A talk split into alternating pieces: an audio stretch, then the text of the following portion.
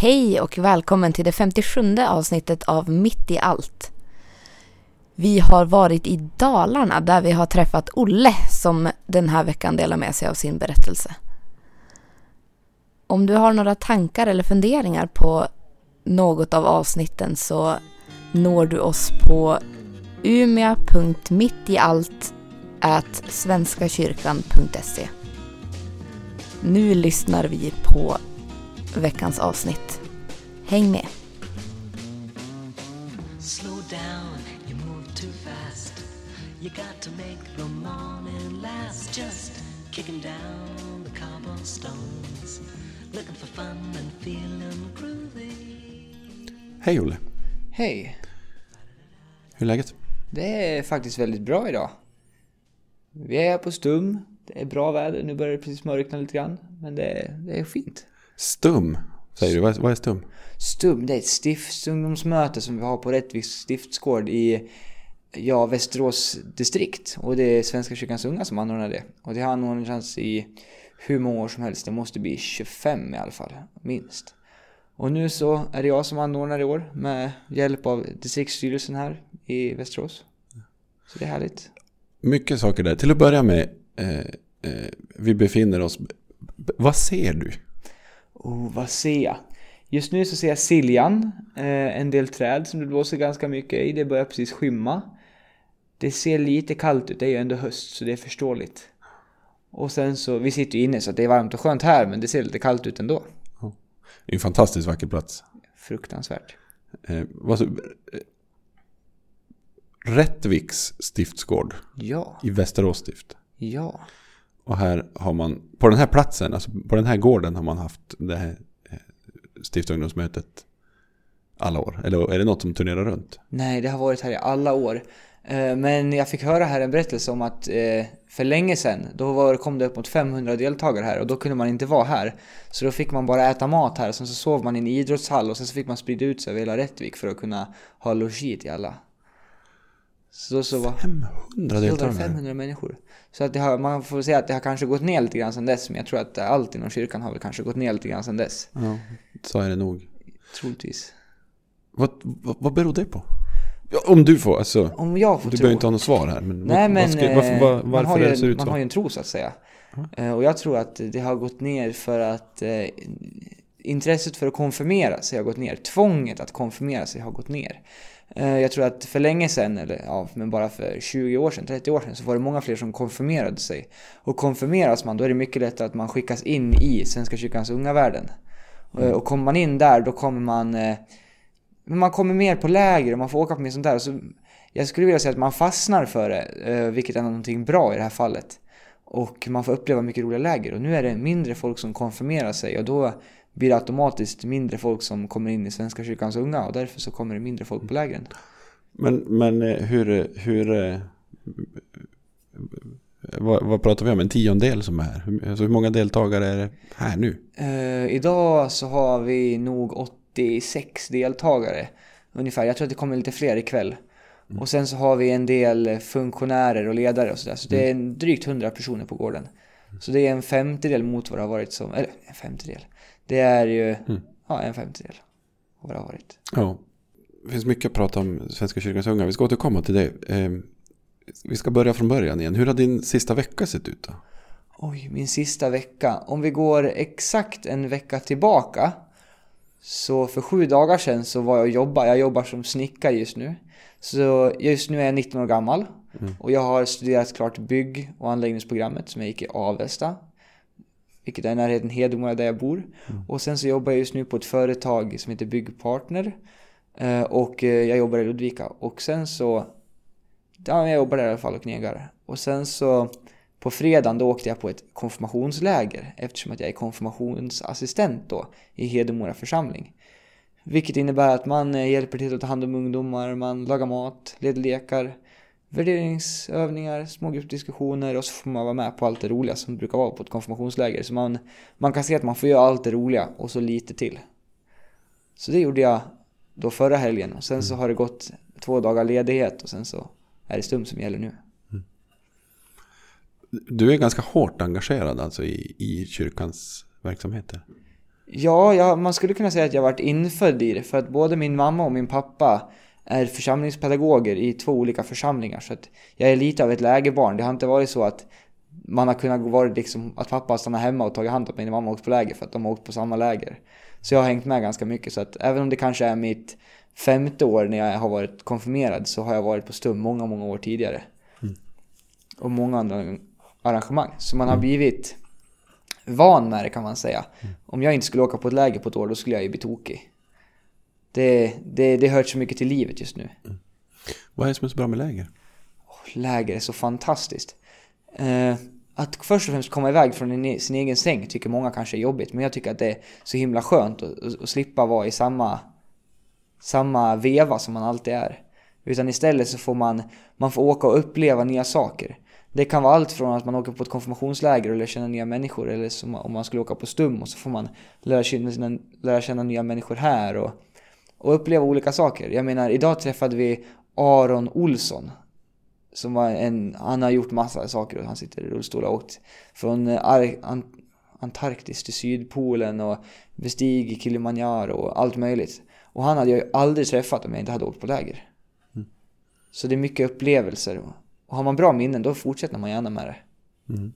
Ja, så är det nog. Ja, du, du har börjat, börjat på det lite grann, men, men eh, berätta om dig själv. Vem är Olle? Vem är Olle?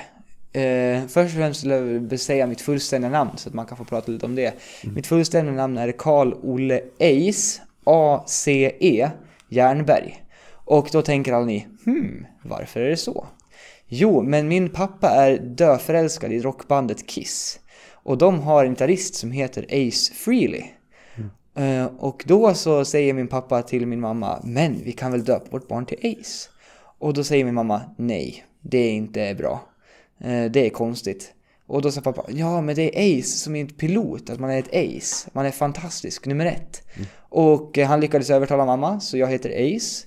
Min bror heter Stanley, vilket enligt min mamma är efter min morfar.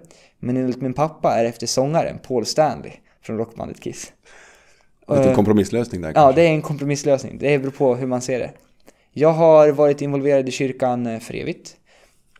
Och jag har också gått bygg och anläggning med några jag konfirmerade mig med. Och det var väl mitt, eh, det är väl helt enkelt ett av de större valen jag gjort. Så jag har gått bygg och anläggningsprogrammet och jobbar nu. Jag har varit på många olika läger. Jag är involverad i scoutrörelsen. Jag har åkt på läger Okej. med scouterna. Då var det kyrkscouterna, för de var i närheten där jag bodde, så det tyckte mina föräldrar var lämpligast. Så då var det så. Så det var, det var väl jag, två ungdomar till och sen så tre gamla gubbar som har lärt oss massa gamla indianknep. Och sen så har vi åkt på läger med dem och paddat till öde öar och bott i vindskydd och hittat några öde torp och allt sånt där möjligt har vi hittat på. De är riktiga powergubbar. Skönt. Ja, riktigt roligt. Och sen så har jag varit involverad i lite olika sporter. Jag spelar som de flesta andra i min ålder fotboll. Eh, men jag var, jag skulle inte säga att jag har någon form av talang på fotboll. Och det, därför så slutade jag spela fotboll. Men jag var, är ganska lång, eh, om ni ser sen en bild. Så jag spelade handboll istället, för att det var lite lättare. När man var lång så kunde man ju skjuta lite mer mål. Och det var lite roligare helt enkelt. Så då spelade jag handboll i många år tills jag kände att jag, jag skulle nog inte satsa något på idrotten egentligen stort. Så att jag drog mig tillbaka. Så just nu så tränar jag ett, hjälper till och tränar ett handbollslag i Hedemora. Med lite mindre ungdomar. Som lite motion för att man ska komma ut och sen så för att det är kul att hjälpa till. Ideellt. Så du sitter med i distriktsstyrelsen för Svenska kyrkans unga. Mm, Du jobbar heltid. ja. Och så sen är du med och tränar eh, ett junior ungdomslag, Ja. Och sen så håller jag i scoutkvällar. scoutkvällar, Och sen så är det ju Svenska kyrkans unga kvällar Svenska kyrkans unga kvällar och konfa ledargrejer som Ja. du håller i. Det lär man göra. Ja, eh, du har aldrig funderat på att, att eh, jobba med de här bitarna i kyrkan? Det är så kul att du frågar. Jag har verkligen funderat på att jobba inom kyrkan och jag hade nog gjort det om jag hade varit lite mer skolpigg. Men eh, för två veckor sedan, då fick jag vikariera som församlingspedagog i Avesta församling för att deras eh, andra pedagog vart eh, akut magsjuk. Så jag fick ett samtal på torsdag kväll. Du, skulle inte du vilja vara församlingspedagog?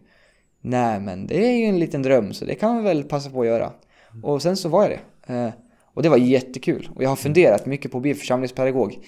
Men jag gick bygg för att jag var skoltrött och sen så nu så när man har gått klart bygg, för så ni som vet, man lär jobba drygt 2000, eh, 3400 timmar innan man blir färdig så man kan få sitt certifikat eller vad man ska kalla det för att bli äkta byggare. Eh, Just det, och- du är någon sorts lärlingstänk Precis. nu. Ja, och om man då... Eh, byråkratin i det hela är att har man inte gjort sina timmar då så kan man inte bli anställd som fullbetald snickare efter det. Okej. Utan då så lär någon annan ta över ens lärlingstid, vilket inte är så kul eftersom att om man blir äldre så får man mer lön och därför så ska man göra klart tiden först tyckte de innan man ska byta bana. Mm. Så jag planerar inte att vara snickare resten av livet. Utan gärna lärare av något slag, eller jobba inom kyrkan. Jag skulle vilja vara eh, SO-lärare. Historia och religion, det är kul ämnen. Och sen så tänker jag att är man lärare så får man också Eh, mycket, alltså man kan ganska tidigt påverka ungdomar på något bra sätt. För att just nu så tycker jag att i samhället så är det, har varit på väg neråt mycket med respekt och, och viljan att lära sig. Och jag tror, godtrogen som man är och har lite hybris sådär, så tänker jag att jag skulle nog kunna vara ganska bra på det och få folk att bli intresserade i just att lära sig. Och eftersom att det är mina favoritämnen så brukar jag tänka att de lärarna som var bäst när jag var yngre, det var de som älskade det de lärde ut. De som kunde berätta historier om allting, som kunde göra det intressant. Så det tycker jag är viktigt. Och därför skulle jag kunna tänka mig att bli lärare. Och då är ju stegen inte så långt sen. Precis, för att bli församlingspedagog till exempel. Precis. Det är ju alldeles runt hörnet om man är lärare. Hello, lamppost, what you knowin'? I come to watch your flowers growing. Ain't you got no rhymes for me? Do it do do feelin'. Du engagerar dig stenhårt i kyrkan. Eh, så, och, och jag tänker mig att du kliver in och ger tid och engagemang och kärlek och energi och alla de där grejerna som, som behövs i ett gott ledarskap. Eh, som du ger till kyrkan. Men, men vad får du tillbaka? Ja, det har faktiskt folk frågat mig förut också, vad man får tillbaka av sitt engagemang. Eh, och det jag brukar svara då, för att när folk tänker så, då brukar ganska ofta, jag vet att det inte är så nu, men ganska ofta annars när ens, eh, kanske inte just föräldrar, men ens kompisars föräldrar och sådär frågar varför man lägger ner så mycket tid på det, så brukar jag säga jo men jag får åka jättemycket utomlands. För att de brukar kanske inte tänka på vad du får ut för erfarenheter, utan de brukar mer tänka på kanske betalning eller liknande. Och i Hedemora har vi gjort fantastiskt mycket roliga resor. Eh, när jag konfirmerade mig så året efter då åkte vi till Mosambik i Afrika i tre veckor. Eh, och var där. Och då hade vi i kyrkans ungdom samlat pengar då under två år. Så jag gled väl in lite grann på ett bananskal skulle man kunna säga och bara jobbade kanske ett år. Men eh, då åkte vi till Mosambik i tre veckor och var där och lärde oss om kultur och hur de hade det där och hur våra pro- vi har ett vänskapsprojekt med Mosambik och hur det fungerar och sådär. Eh, Och sen när vi kom hem från det så många av de äldre som följde med, de, de kände att nu har vi gjort vårt inom SKU. Och jag var ju alldeles färsking, så jag var ju alldeles... Jag skulle inte vilja säga hög på det, men det var väldigt kul att åka utomlands och känna att när man kunde berätta för kompisen, ah, vad gjorde du förra veckan? Nej men jag, jag kom hem från att vara utomlands tre veckor med kyrkan, för att jag är aktiv. Det är inte så många föreningar man kan se så med. Och med ett handbollslag då kanske man tar sig till Tyskland och spelar lite matcher i tre dagar. Men vi åkte till tre veckor till Afrika, det är inte alla som kan säga det. Så ganska snabbt så började vi samla pengar för att åka till Palestina. Och då åkte vi, sen åkte vi till Palestina och sen så har vi också gjort en resa nu till Nordirland. Så rent resor så får jag ut, har jag fått ut ganska mycket sånt. Sen så nästan alla mina vänner just nu har jag träffat genom kyrkan. Det är bara klasskamrater och arbetskamrater i stort sett. Och en enstaka till som jag inte har träffat genom kyrkan. Så jag skulle säga att jag har ett stort kontaktnät men det är ganska inringat inom kyrkans värld. Men, men eh, vad ger det dig som person? Vad ger det dig? Vad, vad tar du liksom med dig? Vad blir din upplevelse av, av kyrkan genom allt det här engagemanget? Ja, det är en bra fråga. Jag skulle vilja säga att jag blir... eh, Jag har blivit växt som människa väldigt mycket. Jag har lärt mig otroligt mycket saker som jag kan ta med mig och känna att jag har ett välfyllt bagage med min ålder kanske, tack vare kyrkan. Och jag känner mig men, ganska kunnig inom ämnena. Och sen som sagt var, eh, de här KU-kvällarna som vi, har, vi i Hedemora har på tisdagar. När man tänker på tisdag, det kan vara så att är man lite halvkrasslig, har varit i skolan på en måndag. Så tänkte man att nej, jag ska banne mig kämpa igenom måndagen, för på tisdag är det KU, så då kan man inte vara sjuk. Det spelade ingen roll, för på tisdagar då var det KU, och det var höjdpunkten på hela veckan. Så det kunde vara så att redan på lördag, då började man längta efter KU på tisdag, där man skulle få träffa alla. Så vi har haft en fantastisk stämning och känner man hela tiden den längtan till att ja, men snart är det tisdag. Snart ska jag få träffa alla de där tokstollarna igen som man tycker så mycket om. Då, då får man det och det känns bra i hjärtat att träffa dem.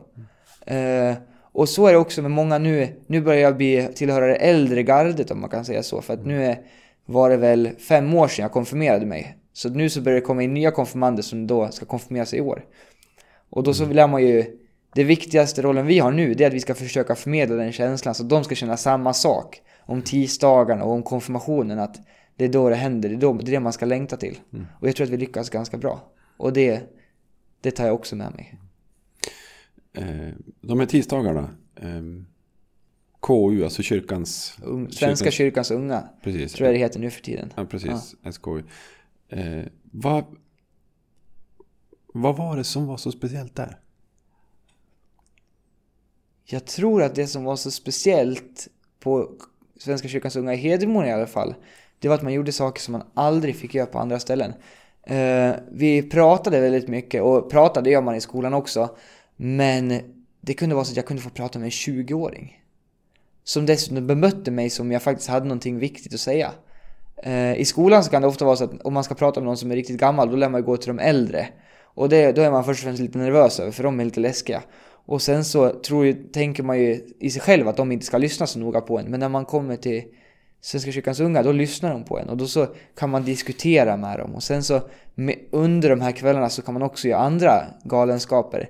Vi har eh, lite olika lekar och olika, olika saker som man har under ett schema. Eh, vi har haft eh, go-kartkvällar där man åkt go-kart. Så då blir det inte så mycket prata med 20-åringarna, men istället så kan man försöka köra ifrån dem. Det har varit att eh, man kan... Senaste galenskapen det var att vi åkte till Prison Island i Västerås. Så att man kom hem sent på kvällen men istället åkte vi och körde powerövningar så att grupperna skulle, alltså som, gru- som grupp skulle man kunna komma närmare. Och sen så har det varit mycket diskussioner och femkamper och... Men sånt där man inte gör hemma och man gör det inte med sina kompisar hemma heller. För jag menar, det är ingen som skulle komma på att nej men nu ska vi prata politik eller hur det är att flytta hemifrån. Det, det lär man sig ju inte och det gör man inte i skolan heller. Så det gör en vuxen samtidigt som man har väldigt kul under tiden. Och bara att, bara att veta att det är så, det gör att man blir, det blir bra. Och man inser att det här är inte bara kul, utan det här är någonting som jag kan ta med mig när jag blir äldre. Du, du har varit engagerad i kyrkan för evigt. Så, eller sen födseln har du hela tiden funnits med i, det, i de här bitarna. Ja.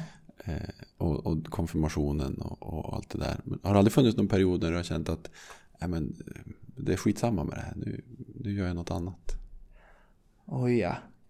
Eh, precis som, eh, som alla när man pratar med dem, tror jag, säger, tänker så finns det alltid tidpunkter där man eh, känner att nej men nu, nu är jag överflödig, nu, nu är jag bara i vägen, nu, nu kan jag lika gärna strunta i det här för nu kommer de klara det här bra själv.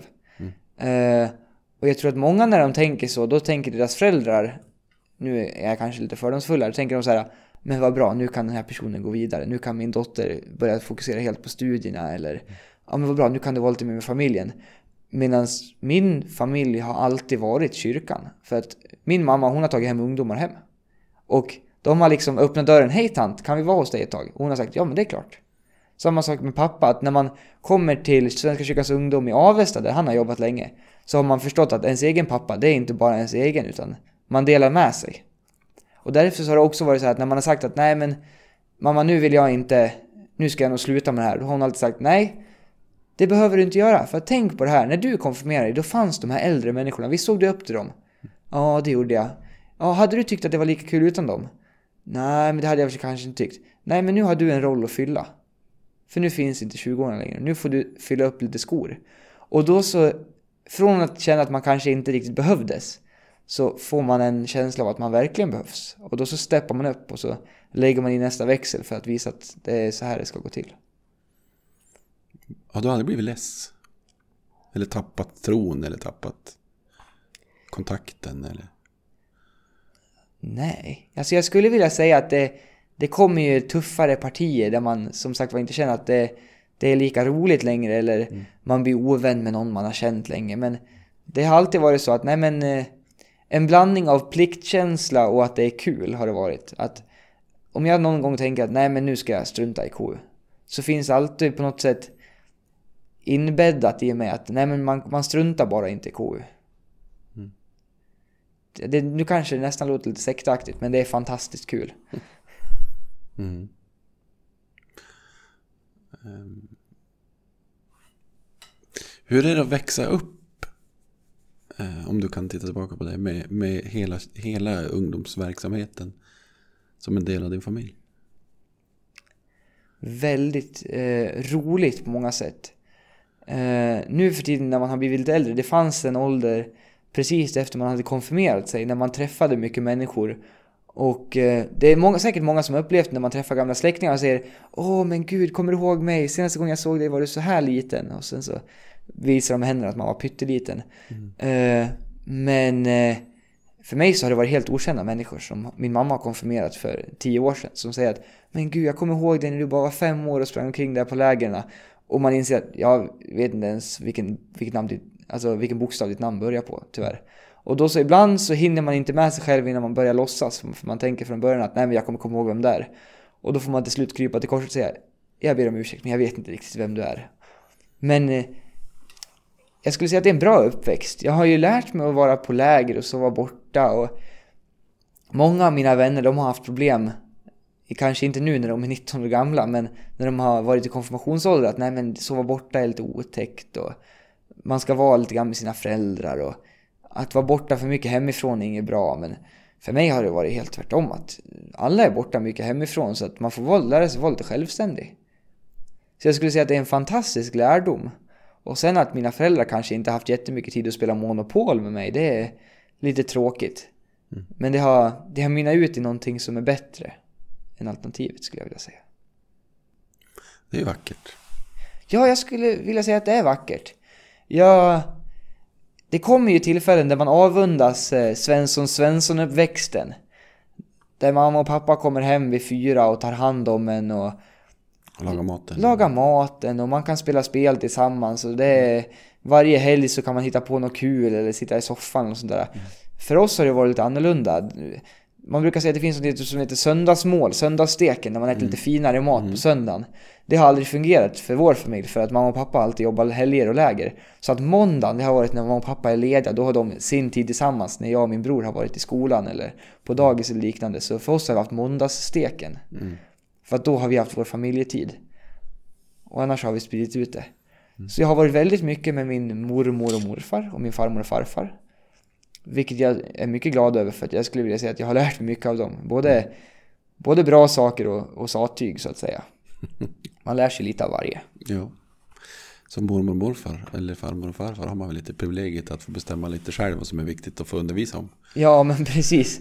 Verkligen. Ja farfar han har hittat på mycket ofog med oss. Det, det ska han ha. Berätta. Jo, men... Ofog och ofog. Eh, min faster har alltid varit väldigt eh, bestämd, ska man säga. Och det har farfar väldigt mycket vetat om. Så han har fått oss att spela henne lite spratt. Till exempel en gång så... Eh, när de kom hem till oss så pratade de om att de skulle, de skulle åka bort under helgen. Och då så fick han mig och min bror att eh, låna en nyckel kan man säga från dem. Och sen så fick vi pula in två säckar pepparkakor hemma hos min faster. För att när man äter väldigt mycket pepparkakor då blir man ju snäll. Mm. Eh, och sen så sa han att men om ni lägger in den här lappen också så kommer hon förstå att det här är bra. Och på lappen stod det ät upp de här så kanske du blir lite mindre bestämd och lite snäll. Eh, och liknande.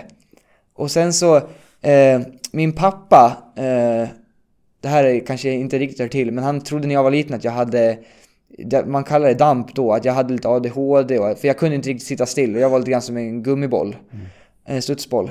Eh, och min farfar och farmor eh, hanterade det väldigt bra, för farfar han tycker om att gå och berätta historier.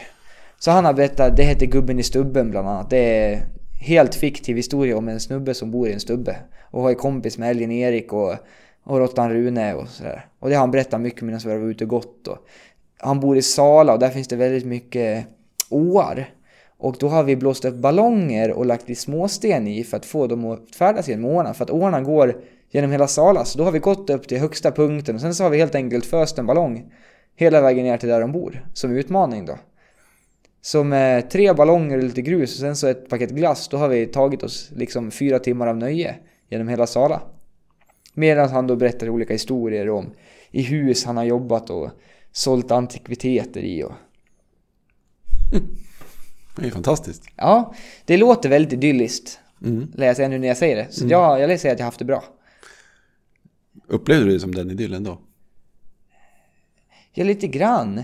Eh, särskilt nu så tycker jag att det har varit väldigt bra medan eh, när kompisarna berättar vad de har gjort med sin farmor och farfar och mormor och morfar så det kanske, jag tycker att det alltid har varit lite tuffare saker. Alltså de har, ja men farmor och farfar de hade, de har en gammal skoter som vi har åkt på eller farfar och farmor de har, de gjorde lite annorlunda saker mot vad vi gjorde. Ja. Min farmor och farfar, det var, det var äppelpaj i sängen och se på någon gammal deckare som vi inte riktigt vågade kolla på. Det var vad vi gjorde egentligen, det var vår sak.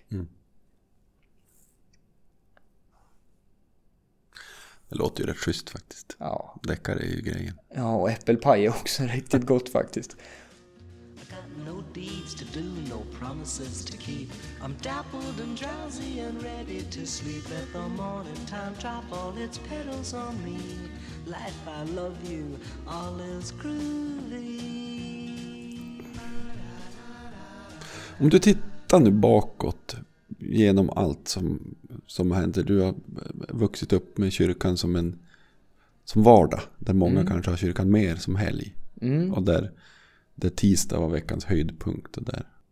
I det, var har du mått som allra bäst? Var har du varit lycklig kanske man ska? Ja, vart har jag varit lycklig? Det är en ganska svår fråga. Jo, jättesvår. Eh, ja, Lycka är ju omöjligt. ja det, är, Svara det, är, på. så lätt. Det är Mm. lite mer vad man tycker och tänker. Och Ja. jag skulle vilja säga att eh, på läger trivs jag väldigt, väldigt bra. Jag skulle vilja se mig själv som den här människan som går upp fem minuter före alla andra för att hinna starta brasan. Så att när de kommer ut ur militärtälten som vi brukar sova i på äventyr. Så kommer man ut ur ett jättevarmt militärtält, ut i det kalla och så får man gå tio jobbiga meter tills man kommer till den fina brasan som jag har gjort. Eh, och det, då blir man glad. När folk kommer ut i tälten, man får se dem lite sådär halvt nyvakna. Eh, vilket inte får någon att vara på sin bästa sida. Och Det är väldigt få faktiskt. Ja, väldigt få. Och så kommer de där och huttrar och pustar och sen så får man stå där löjligt glad. Eftersom att man fort är helt vaken helt plötsligt och de är lite nyvakna. Så får man säga men god morgon, har ni sovit något gott? Och så brukar de säga att eh, min mamma som har ett smeknamn som är tant, där hon jobbar. Eh, då brukar de säga nej men eh, tant har låtit ungefär som en eh, eh, tromb i natt. Eller en tornado kanske mer. Åskvigg, jag vet inte riktigt vad man ska kalla det. Hon låter, brummar väldigt mycket i alla fall. Och det tycker jag är fint. Och då, då är man ju glad. Och det, då är man glad. Och då trivs man när man är på läger. Sen så skulle jag säga att men det kyrkan har, har gett mig just nu är väldigt bra. Jag har en fantastisk flickvän som jag träffade genom kyrkan. Som jag inte hade träffat annars. Så skulle jag säga att jag är på, det är helt klart på plussidan och jag skulle säga att jag själv är väldigt lycklig nu och då lär jag ju säga att det är ju till stor del på grund av kyrkan. Så en, en tisdag just nu med Svenska kyrkans unga och tjejen där, då är man. Då mår man så att säga. Kan jag tänka mig. Men, men eh, eh, ligger lyckan i det i att skapa förutsättningar för de andra att må bra? Ooh. Ja och nej och ja. Jag skulle vilja säga så här ah, att nu ska vi inte dra något politiskt här, men Marx, han pratade lite grann om det här att det handlar om att man ska ha den goda arbetsviljan. Att det ska bli så bra som möjligt för allihopa. Och det har jag fastnat ganska mycket för. Och jag har väldigt roligt när jag är på läger och på Svenska kyrkans unga. Och jag trivs i det. Och målet brukar bli att man ska göra det så bra som möjligt för de andra. För att målet innan har varit för mig att de ska göra det så bra som möjligt för mig. Och därför så blir det att eh, gemenskapen som blir hos oss assistenter som hjälper till och konfirmander ofta blir en otroligt stark gemenskap. Man har lite den här känslan av att vi kan klara precis vad som helst. Ge oss en samarbetsövning och ge oss en tid så kommer vi klara den. Vad den är. Eh, och jag är en otrolig tävlingsmänniska så får man möjlighet att tävla i, ett, i en sån grupp där man har inställningen att vi kan klara precis vad som helst. Vi kan vinna vad som helst. Då, då blir jag väldigt glad som person eftersom jag tycker om att tävla och sen så är det med vänner jag älskar och vi, vi kan lita på varandra. Och sen när man dessutom under tiden man kan se det som att man man arbetar för att andra ska få det bra under tiden. Det är, det är så många bra flugor i en smäll så att det kan inte slå fel. Nej, det kan ju inte det. Nej. Sen så hoppas jag bara att det, det kommer en, en yngre människa och säger Olle, nu är du gammal. Nu är du eh, en börda. Skulle inte du kunna gå vidare med ditt liv? Eh, om det skulle bli så, då hoppas jag att någon säger det till mig. Eller att jag kan förstå det själv. För att det vill man inte heller bli den här som aldrig slutar någon gång, som folk blir trött på. När kommer det hända? När? Ja. Jag tror inte att det kommer att hända. För jag tror att jag kommer vara för rädd att det ska hända så jag kommer eh, lägga KU ifrån mig lite grann kanske. Men jag tror inte att jag kommer göra det på länge. Jag tycker att det är fantastiskt roligt. Och sen så har man ju fått en lite ny roll. Nu har man ju körkort. Så då kan man ju köra ut på lägren till exempel. Ja, just det. Så, och ens ansvar förändras ju mycket under åren. Mm. Ja, så är det. Berätta, vad tänker du? Att ens ansvar har förändrats. Ja. Nej, men eh, från början när man är assistent, nu tänker jag just assistent då, med konfirmandgrupper. Så kanske det handlar om att hålla lekar och vad man var man riktigt säker på sig själv, vilket kanske inte var bara jag utan några andra som jag kunde stödja mig lite mot, så fick man kanske hålla andakter och så här. Och sen så, ju fler år man var assistent, då fick man lära sig hålla andakter bättre. Och man fick leda mer lekar och börja leda smågruppsdiskussioner och börja ha värderingsövningar. Och jag skulle inte säga att man klättrar i någon sorts hierarki, men man klättrar i någon form av kunskapsstege. Som gör att man känner sig behövd på olika sätt. Man tänker att nej men jag behöver inte leda lekar för att fylla en funktion, utan istället så kan jag göra det här. Eh, och vi har det som ett litet, system i Hedemora, vilket också gör att det blir bättre för de yngre. De slipper känna att ja, men det är det här man behöver göra för att vara en bra assistent. De kan tänka att nej, men det är det här vi gör. Skönt. Ja, jag skulle vilja säga att vi har ett av de bättre systemen, men jag har inte provat så många andra. så jag kan inte vara säker. Nej, klart man kan lägga upp det olika såklart. Men, men Mm. Personligen så är jag alltid fascinerad av det där växandet. Vi- Viljan att växa. Viljan Mm. att, som, som alla människor har så starkt. Och hur, hur man är beredd att offra ganska mycket för att få växa och utmanas. Så Ja. det, det är så fantastiskt häftigt att se att, att det då finns inbyggt i vissa system. Ja, men det är ju underbart. Mm. Eh, om man nu tittar på, på ditt liv. Ja, Så, eh, om jag ska generalisera lite grann.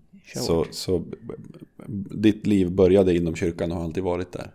ja, Så, eh, och från början så, så, så hade du inget alternativ. Du hade inget val. Du hängde med för att du var tvungen. För där var mamma och pappa. ja. Så. Eh, någonstans kom det till en punkt där du kunde välja.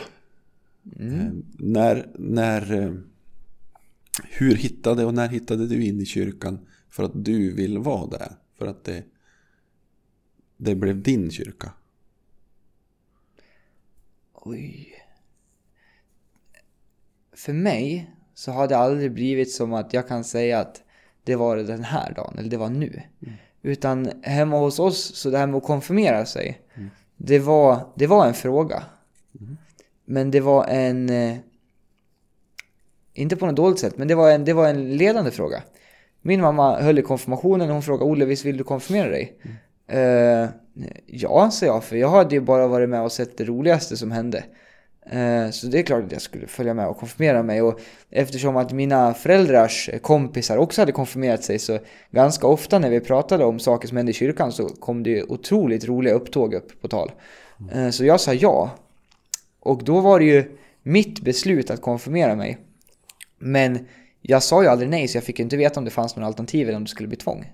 Mm. Och sen så valde jag att bli assistent för att direkt efter jag hade konfirmerat mig, det, det fanns ingen tanke på någonting annat. Det var det absolut roligaste som typ hänt mig. Så alltså eh, mitt, eh, mitt uppvuxna tvång gick över till vad jag tyckte om att göra. Ganska nära in på varandra så jag skulle inte säga att det finns en punkt. Men kyrkan är definitivt min. Som jag är med i alla fall. Alltså det är mitt val. Jag är inte med för att göra någon annan glad utan det är... Eller ja, jag är ju med för att andra ska bli glada men också för min skull. Om vi då tittar på tro i det. Mm. Hur, hur hittade du din egen tro? Skulle du säga att du har en egen tro? Vi måste börja där. Det kan jag inte förutsätta. Eh, Jag kan berätta, du får förutsätta att jag har en tro, för det har jag. Ja. Eh, Jag tror på en gud, en enda. Och, och jag tänker att eh, jag har funderat på det där många gånger. Och en präst sa en gång att eh, det här med gudatro, det är ungefär som en gott och blandat påse.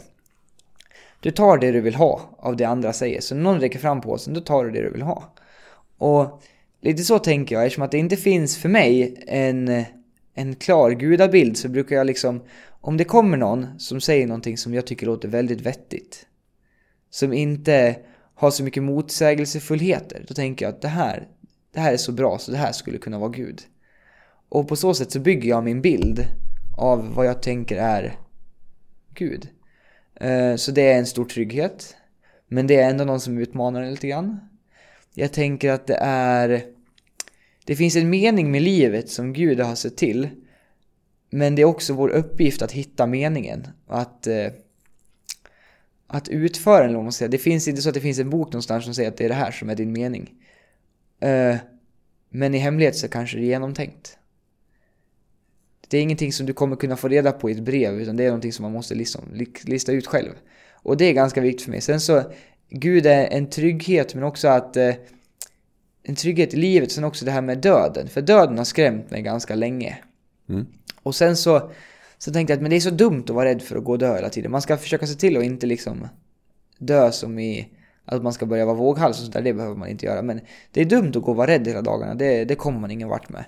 Och sen så började jag fundera, vad är då himlen? För att det är där man på något sätt vill hamna, det är the place. Så jag har gärna målat upp en otroligt bra, enligt mig, idyllisk bild av himlen. Så jag tänker att det kommer bara bli bra. Så är jag lite orolig för att jag ska dö och tänka så här, ja men då, då får det vara så då. Det kan, det kan bara bli bättre i så fall.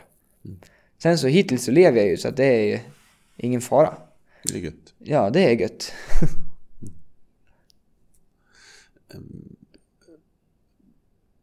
Har, har, jag förstår, du har, ju, du har ju på något sätt alltid levt med den, den här gudstron som är väldigt påtaglig i ditt liv. Genom att du alltid har funnits i kyrkan. Mm. Eh, när, blev, när blev tron din? Jag skulle vilja säga att tron är aldrig någonting som vi har... Eh, vi brukar snacka ganska mycket om att bli tvingade hemma. Vi har aldrig blivit påtvingade någon form av tro.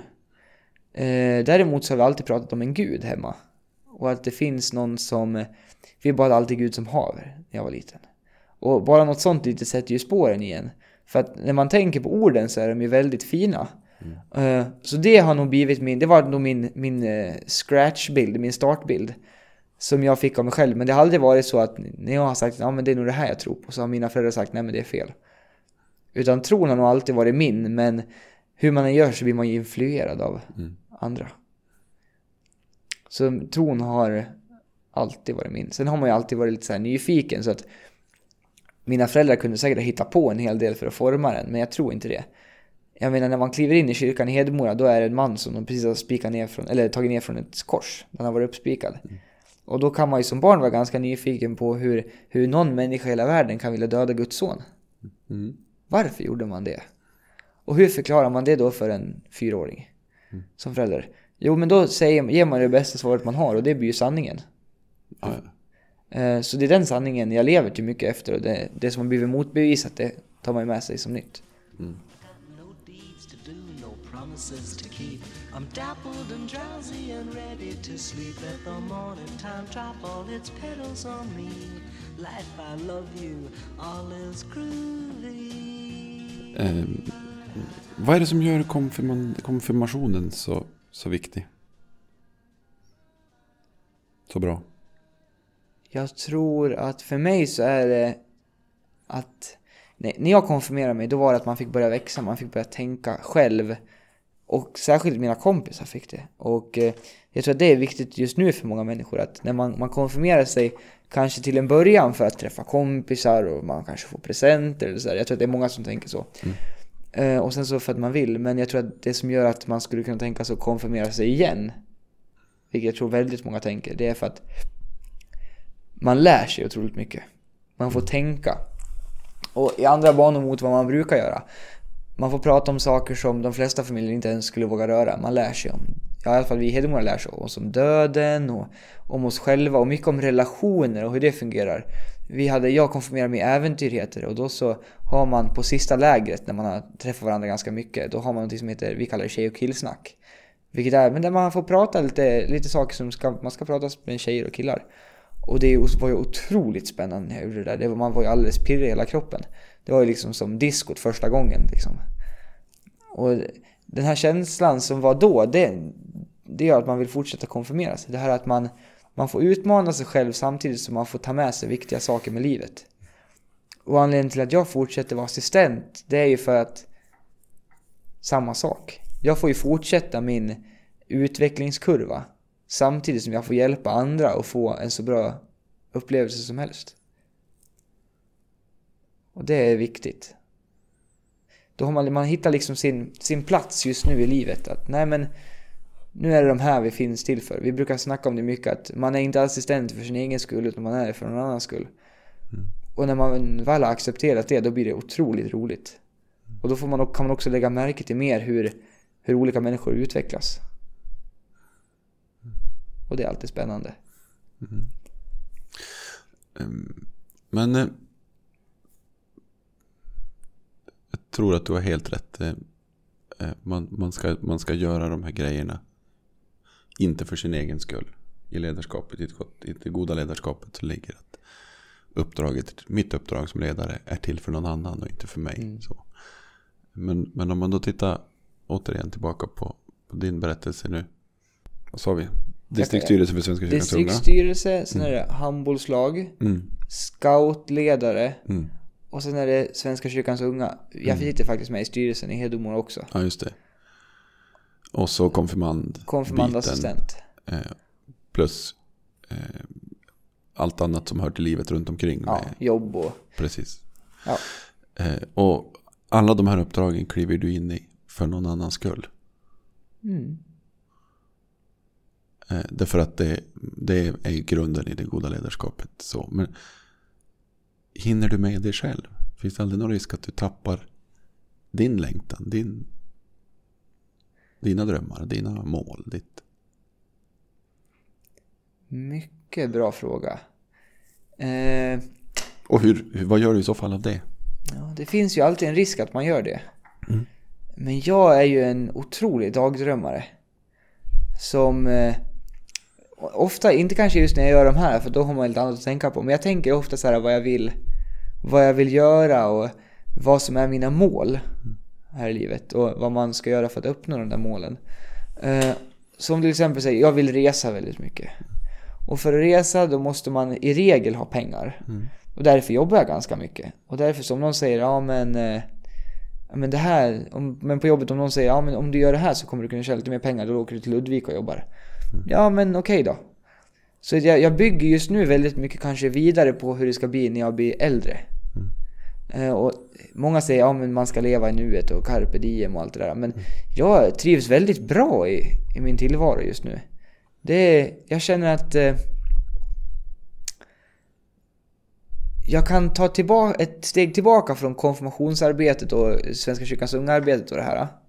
eh, Och bara känna för när jag var konfirmandassistent första året, då var man där och sen så var man alldeles virrig av allt som hände. Men nu har det blivit nästan en vana, så nu kan jag liksom ta ett steg tillbaka och se när det händer och så kan man få Ja men tänka lite grann på sig själv under tiden och fundera hur känner jag över det här och hur känns det här? Nej men nu, nu ska jag ta lite, lite tid och gå och kolla på stjärnorna eller Nej men nu ska jag vakta elden ett tag medan de leker. Och kan man göra lite sånt då känner man att då får man lite tid att tänka och jag tror att det är väldigt viktigt. Och sen så med handbollslaget och det här så ibland så, precis som med scouterna också, ibland så händer det att man känner att nej men Idag kommer jag inte kunna bidra med någonting vettigt. Idag kommer jag bara sitta och stirra in i väggen eller tycka synd om mig själv eller något sånt där. Och då får man helt enkelt slå en pling in och säga att nej men i, idag så kommer inte jag. Idag får de andra ledarna ta, ta min last, eller vad man ska säga. Och så får man sitta hemma och käka chips eller se en film eller, eller om man vill gå ut och träna eller något sånt där. För det lär man också göra ibland för att må bra. Säger vissa i alla fall. Finns det någonting du gör bara för din skull? För mitt eget välbefinnande. Mm. Blandat, själviskt och inte så skulle jag säga att jag är ihop med min flickvän för min egen skull. För det, det, då mår jag bra helt enkelt. Och det är inte alltid så att, jag har en väldigt självständig flickvän vill jag säga. Så att det är inte så att jag vill ta hand om henne på något sätt. Utan det är mer så här att om jag känner att nej men idag är det, idag är det krank i huvudet, jag kommer inte få något vettigt gjort. Då vet jag att saker och ting löser sig ändå. Och vi har bestämt att nej men vi ska träffas i helgen. Ja men då kan vi träffas i helgen och jag kanske inte behöver tänka på att vi ska laga mat och vi ska i dittan och vi ska i dattan. Utan det, det löser sig ändå. Vi kan sätta oss ner i soffan, se en film och sen så kan vi beställa en pizza och det, det är bra. Inget mer, vad heter det, behövligheter. Att man behöver måsten, inget mer måsten. Och det känns bra. Så det skulle jag säga är för min skull. Sen så hoppas jag att hon också är nöjd. Alltså att det inte bara är för min skull hon gör det. Men det får vi väl fråga henne om. Du får göra det. Ja, Det låter ju skönt. ja faktiskt. Ehm, du ska få en fråga från vår tidigare gäst. Ja, Eh, det är en av våra traditioner i den här podden. Du ska sen Ja. också få ställa en fråga själv. Men vi Ja. börjar med, med den ärvda frågan. Eh, och den är ungefär så här. Eh, om du skulle få 10 miljoner. Mm. Eller vinna 10 miljoner. Eh, vad skulle du göra då? ja, först och främst så skulle man ju behöva nypa sig själv en 10-15 gånger. Gärna så man får blåmärken för att man aldrig förstår att det är sant. Sen så för pengarna. Jag skulle resa jorden runt. Jag skulle ta med min bästa kompis och min flickvän och så skulle jag... Det finns en del saker jag vill göra. Jag har gjort det innan jag dör. Och som eh, pedagogen här Rättvik brukar säga, man vet ju aldrig när man dör egentligen. Så att man kanske skulle passa på att göra lite saker. Sen så skulle man, man skulle lägga undan lite pengar och sen så skulle man ju, som många säger, man ska dela ut lite pengar bland familjen och sen så ska man skänka en hel del pengar för att det finns en hel del ändamål som kan behöva en slant. Mm. Så det ska bli lite bättre. Eh, ett speciellt projekt som jag tycker väldigt mycket om det är, nu vet jag inte vad det heter, det handlar om leenden och det är när folk föds Heter det harmynta när man har när läppen Ja, mellan gomspalt, näsan? Gomspalt. Och då så ger de helt enkelt barnen en operation så att de kan le igen. Mm. Och leenden, det tycker vi om. Så det, då de skulle få en hel del pengar så de kan få det där. Mm. Men resa. Flytta hemifrån på riktigt. Mm. Det är bra. Det är ju en resa bara det. Ja, det är det verkligen. Så det skulle jag göra för 10 miljoner kronor. Var skulle du resa först? Eller eh, finns det något ställe som är... Det är inte en bra resa om jag inte åkt till det här stället. Var vill du verkligen? Jag vill verkligen åka till Egypten och se pyramiderna. Det skulle jag verkligen vilja göra. För att, och Konungarnas dal här. För det är på något sätt bland det största som mänskligheten har gjort genom tiderna och det fanns inte ens maskiner. Ja, Och jag är en snickare. Så sånt är, när man kommer dit och kollar så tror jag att jag kommer förstå att det där är helt galet, enormt. Jag menar nu för tiden får man knappt lyfta en säck på 25 kilo liksom och där har vi klippblock som väger 225 ton i alla fall minst, eller hela bunten. Uh, så bara hur, rent hur det arkitektiskt det är gjort skulle bli imponerad. Sen så vill jag åka till Krakow och se Auschwitz. För jag tror att det är någonting som skulle sätta spår i mig som jag tror att det sätter spår i många andra människor. Och det skulle jag vilja göra.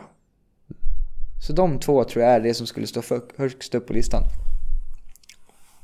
Sen finns det så här lite nördiga saker. Man vill åka till Nya Zeeland för att se där de spelar in Sagan om ringen och man vill åka och se alla platser där Harry Potter var och ja. Men det är ju inte lika viktigt. Nej.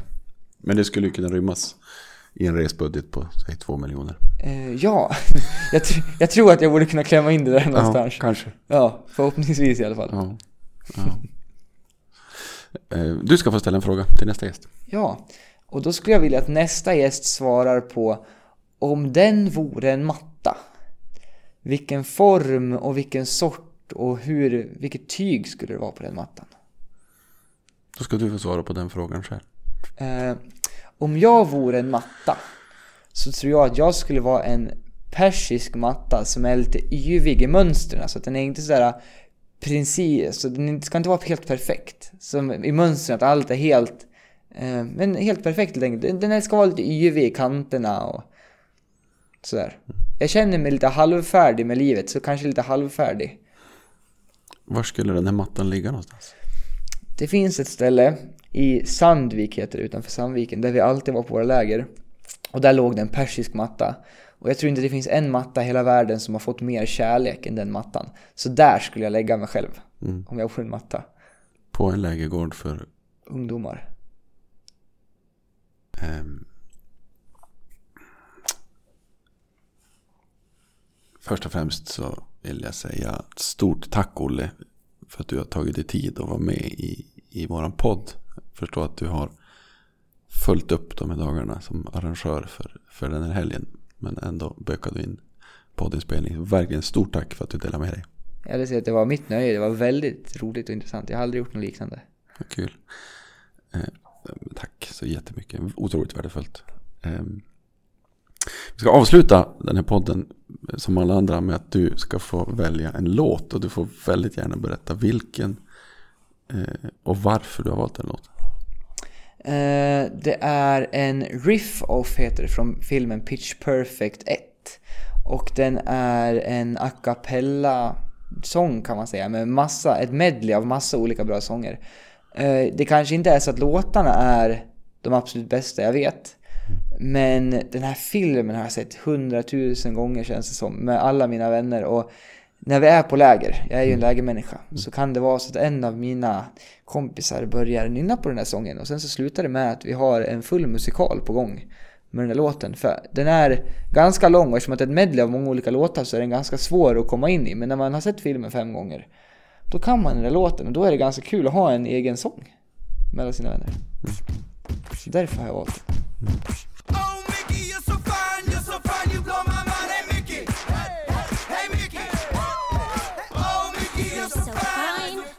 And you're mine. I'll be yours till the end of time, cause you made me feel. Yeah, you made me feel so shiny and new.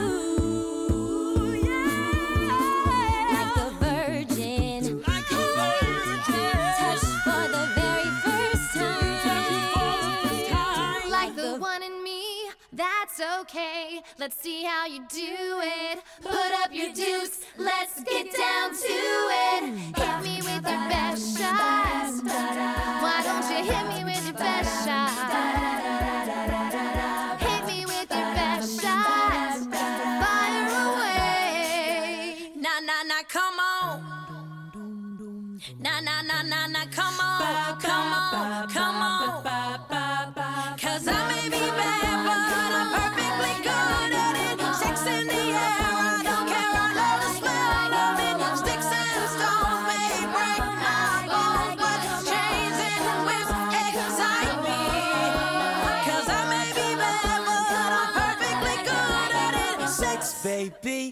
Let's talk about you and me. Let's talk about all the good things and the bad things that may be. Let's talk about sex. All right. Let's talk about sex. A sex. little bit, a little bit. Let's talk about sex, baby. Baby, all through the night I'll make love to you like you want me to. And I guess that's just the woman in you that brings out the man in me.